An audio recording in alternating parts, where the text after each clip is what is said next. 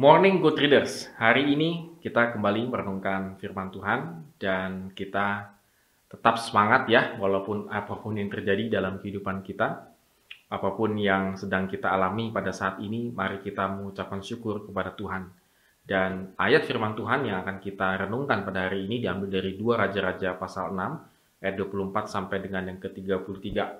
Mari Good Readers tetap semangat untuk membaca dan merenungkan firman Tuhan.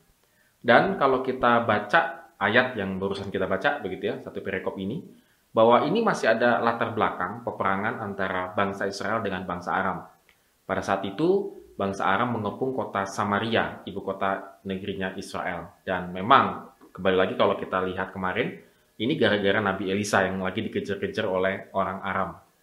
Dan karena dikepung sedemikian karena zaman dulu kan e, benteng itu kan juga rakyatnya tinggal di dalamnya satu kotak begitu ya dan mungkin tidak terlampau luas begitu.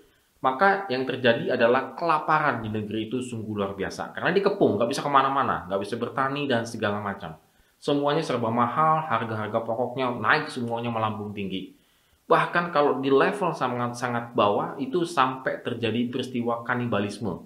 Jadi saling memakan anak satu dengan yang lainnya kita bisa melihat di ayat 25 sampai dengan ayat ke-29. Hal ini membuat raja sangat berduka dan sangat marah begitu ya. Dan kemarahan raja ini ditumpahkan eh, ke Nabi Elisa, yaitu karena Nabi Elisa inilah penyebab daripada kelaparan ini semua. Padahal sebenarnya ini adalah satu tanda dari Tuhan supaya eh, raja Israel ini bertobat di hadapan Tuhan karena mereka masih menyembah berhala. Lalu mereka uh, Raja Aram ini, eh, Raja Israel ini mengirimkan salah satu algojonya ya untuk membunuh Nabi Elisa. Tetapi kembali lagi kita lihat di sini, Tuhan menolong Nabi Elisa sehingga terhindar dari pembunuhan tersebut. Ada satu kutipan yang sangat menarik di, uh, di kalimat pasal ayat yang ke-33 dikatakan oleh raja ini gini, "Mengapakah aku berharap kepada Tuhan lagi?" Ya, sesungguhnya malapetaka ini daripada adalah daripada Tuhan mengapakah aku berharap kepada Tuhan lagi? Di sini kita bisa melihat satu konsep yang salah yang dilakukan oleh si Raja Israel ini bahwa malah petaka yang terjadi ini diakibatkan oleh Tuhan, oleh Nabi Elisa, begitu ya, bukan karena dia.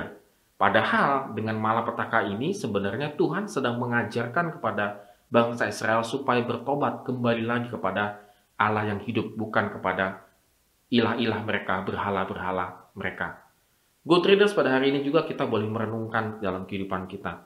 Seringkali dalam ketika kita mengalami kesulitan, kesakitan, dan lain sebagainya, kita secara tidak langsung ataupun tidak sadar sering kali menyalahkan Tuhan di dalam kehidupan kita. Kita pikir, mengapa Tuhan memberikan saya penyakit demikian beratnya, kesulitan sedemikian beratnya?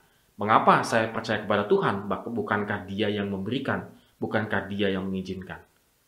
Ini adalah pemahaman yang salah, good readers. Kita seharusnya ketika kita mendapatkan hal-hal, ya yang tadi ya, sakit, pergumulan, kesulitan, justru kita harus semakin mengintrospeksi diri kita. Apakah hidup saya sudah benar di hadapan Tuhan? Apakah iman saya selama ini benar-benar saya bangun untuk memuliakan Tuhan? Apakah pekerjaan saya, usaha saya, bisnis saya, kehidupan saya ini adalah sungguh-sungguh untuk memuliakan nama Tuhan atau hanya mengagungkan diri saya sendiri. Ini yang harus menjadi introspeksi kita.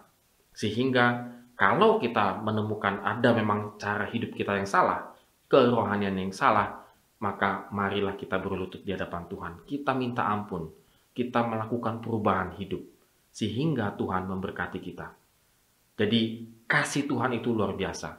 Ketika memang dia mengizinkan kesulitan, sakit penyakit dan lain sebagainya terjadi dalam kehidupan kita, namun di sisi yang lain, kasihnya dia juga sangat besar dan berlimpah-limpah, supaya kita semakin mengenal dia dan mengasihi dia. Mari kita lalui hari ini, mari kita lewati semua kesulitan kita bersama dengan Tuhan, bahwa Tuhan tetap menyertai kita, dan ada maksud Tuhan dalam kehidupan kita, yaitu untuk tetap memuliakan dia. Amin. Tuhan Yesus memberkati kita semua.